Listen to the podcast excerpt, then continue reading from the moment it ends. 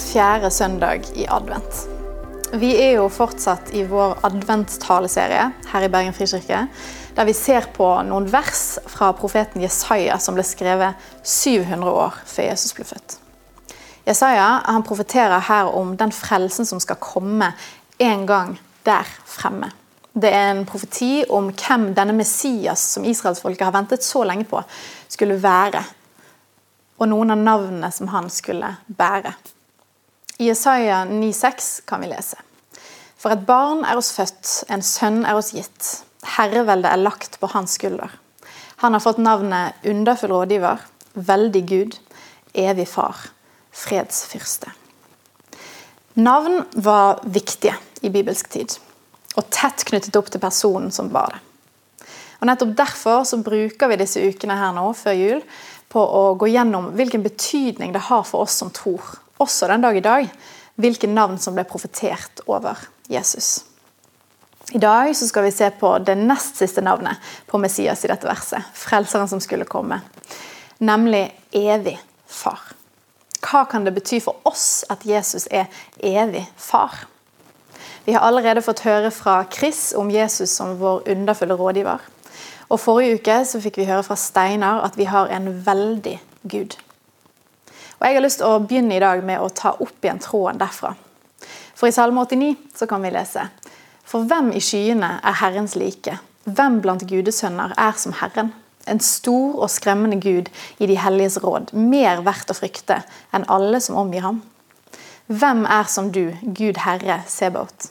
Mektig er du, Herre, omgitt av din troskap. Du hersker over det håndmodige havet.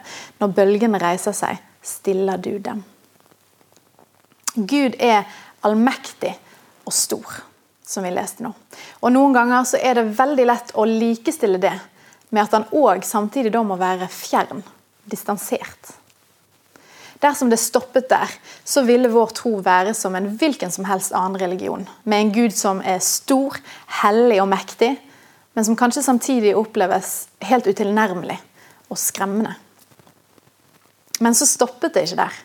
Han stoppet ikke der. 700 år etter Jesaja skrev sine profetier, så ble de oppfylt ved at vår Gud valgte å komme nær. Nær deg og nær meg, da han sendte sin sønn Jesus, vår bror, som et lite hjelpeløst barn til jorden. Der en Gud har kontroll, har ansvar, har oversikt og har makt, så tilfører Gud som far et helt nytt perspektiv til troen. Et perspektiv av omsorg, av nærhet av nær relasjon. I Romerbrevet 8 skriver Paulus at alle som drives av Guds ånd, er Guds barn. Dere har ikke fått den ånden som slavene har, så dere igjen skulle være redde. Nei, dere har fått ånden som gir rett til å være Guds barn. Den som gjør at vi roper 'Abba, far'.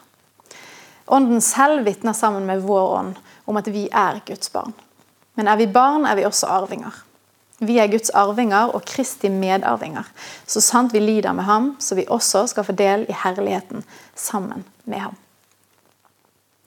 Far det er kanskje for noen litt høytidelig. Og ABBA er jo i hvert fall helt uh, uaktuelt uh, kallenavn på en far for de aller fleste av oss. Men det nærmeste vi kommer betydningen av dette arameiske ABBA, er at det tilsvarer pappa, slik vi bruker det i vårt språk. Og det er intimt og nært. I Getsemane, i timene der Jesus vet at korsfestelsen nærmer seg, og han fylles av dødsangst, da er det akkurat dette han roper til Gud. Abba, far. Han er grepet av angst og av frykt, men han velger da å rope til sin Abba, sin far, sin pappa.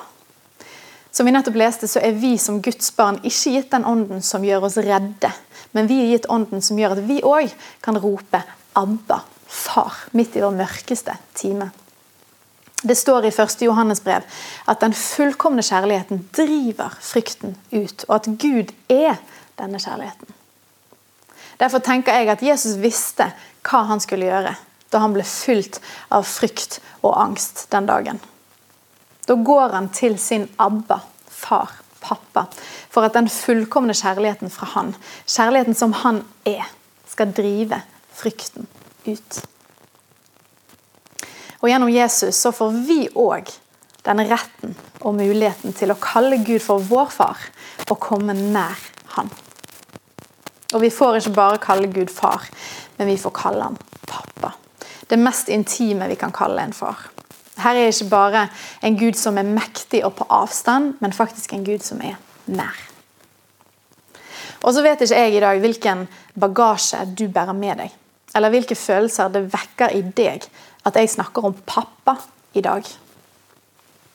For noen så er dette med Gud som pappa positivt og relativt lett å forholde seg til. For mange andre så har trøblete relasjoner med farsfigurer eller mangler på slike ødelagt helt hva far og pappa betyr. Jeg er utrolig heldig som har vokst opp med en fantastisk pappa som er et stort forbilde for meg. Og I 13 år så har jeg òg hatt en helt nydelig svigerfar. Og ikke minst så er jeg gift med en mann som hver dag gir våre barn et godt og trygt bilde av hva en god pappa er. En god far er jo en som ser, som støtter og oppmuntrer, men som samtidig oppdrar, hjelper sine barn å modnes, gir dem mer ansvar. Og alt dette i kjærlighet. Og Der setter jeg kanskje standarden litt vel høyt for alle foreldre. Sjøl er jo jeg ingen pappa, men jeg er mamma. Og det er vel ingenting som har endret meg så mye som det å bli mor, tror jeg. Det er en skikkelig klisjé, men det er faktisk sant. Det har åpnet opp en ny verden i meg av kjærlighet, av stolthet og ikke minst bekymring, som jeg ikke visste at fantes her inne. Av og til så kan jeg sitte og bare betrakte en av ungene våre, og jeg kan bli så stolt at jeg kjenner det fysisk i hele kroppen min. Enten de gjør noe for aller første gang, de sier noe morsomt, eller de viser omsorg for noen andre. Og det er jo helt fantastisk. Og så av og til så blir jeg så sint at jeg kjenner det i hele kroppen. Og det er ikke fullt så fantastisk. For samtidig som jeg kjenner på alt det gode foreldreskap får fram i meg, så kjenner jeg daglig på utilstrekkelighet i den rollen. Det er en konstant sånn mismatch mellom det jeg syns at mine barn fortjener fra meg, den standarden som jeg satt nå nettopp i sted, og det jeg klarer å være for dem hver dag. Fortsatt så kommer egoismen fram i meg, og jeg setter altfor ofte mine egne behov og ønsker først. Jeg tror aldri at jeg har sagt så mye unnskyld som etter at jeg ble mor. Og jeg møter meg sjøl i døren daglig. Det er ikke så gøy å kjenne på utilstrekkelighet. Men det fine med dette er at det hjelper meg å innse litt mer av hvem Gud er, og hva han føler for meg og for oss. For hvis det jeg føler når jeg ser på mine barn i de aller stolteste øyeblikkene, hvis det jeg drømmer om for dem, hvis det bare er en brøkdel av det som Gud faktisk føler for meg og har for meg, wow, da blir det sterkt for meg. Bare forestill deg hva Gud tenker når han ser på deg. Hva han ser i deg, hva han føler for deg, hvor stolt han er over deg. Det er Sefania som skriver at 'Herren din Gud er hos deg, en helt som frelser'. Han fryder og gleder seg over deg og viser deg på ny sin kjærlighet. Han jubler over deg med fryd. Dette her er en god far som klarer å møte de høye standardene. Og Det er ikke sikkert at du klarer å tro det i dag. Det er jo egentlig for godt til å være sant. Han er alt det positive som skapes i oss mennesker når vi sjøl blir forelder. Enten det er for biologiske barn, adopterte eller åndelige barn. Ganget med 1000. Og så er det beste at han er alt dette, men uten å på noen som helst måte være utilstrekkelig i sitt møte med oss. Sånn som vi er i møte med våre egne barn og i møte med hverandre, hvis vi er helt ærlige.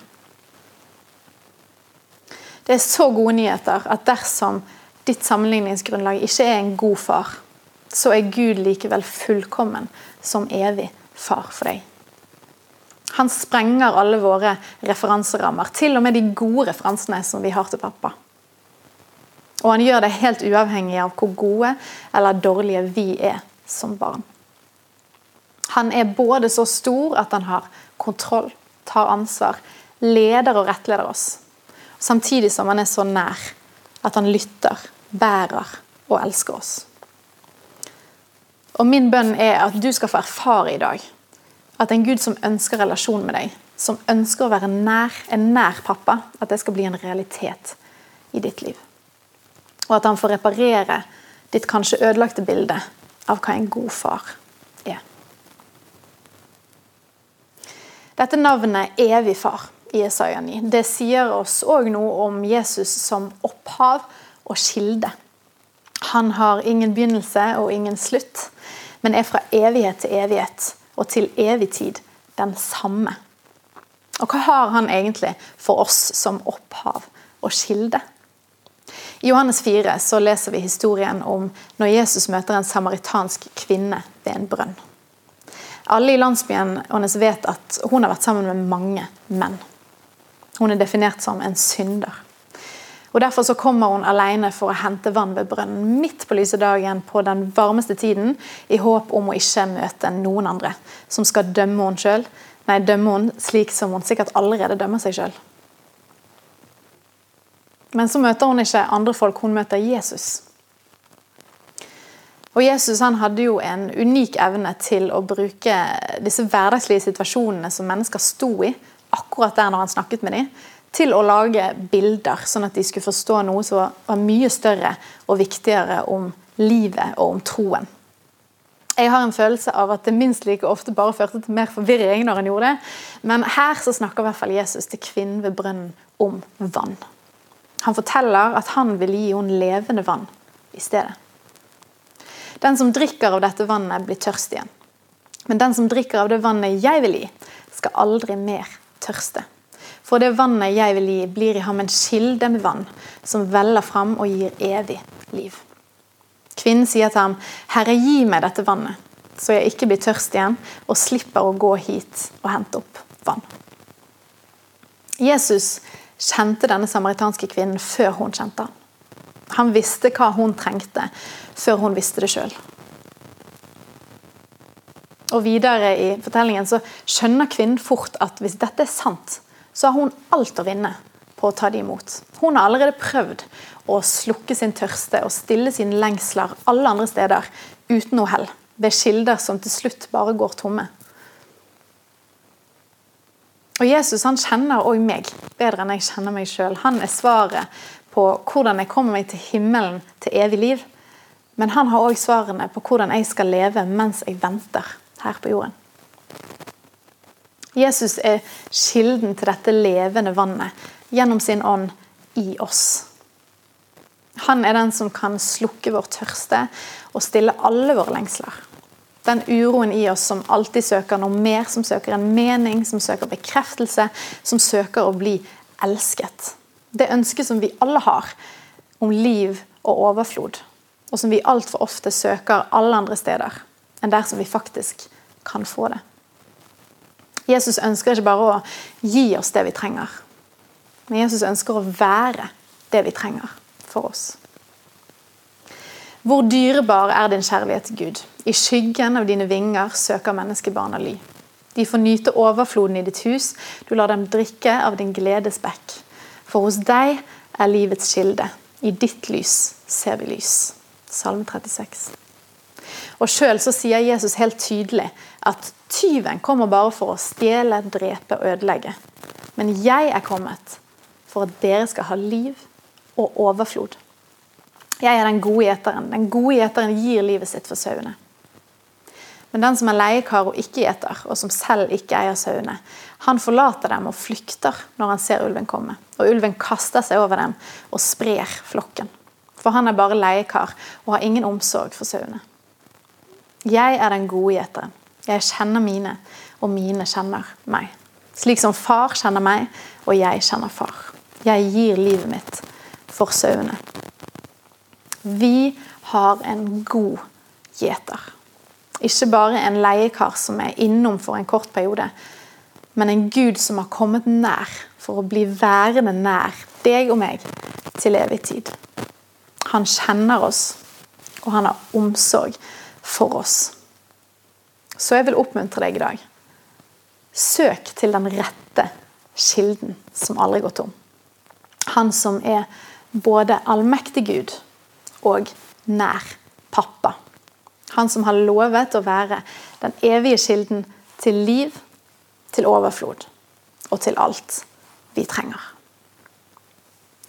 Takk, kjære Jesus, for at du kom som evig far.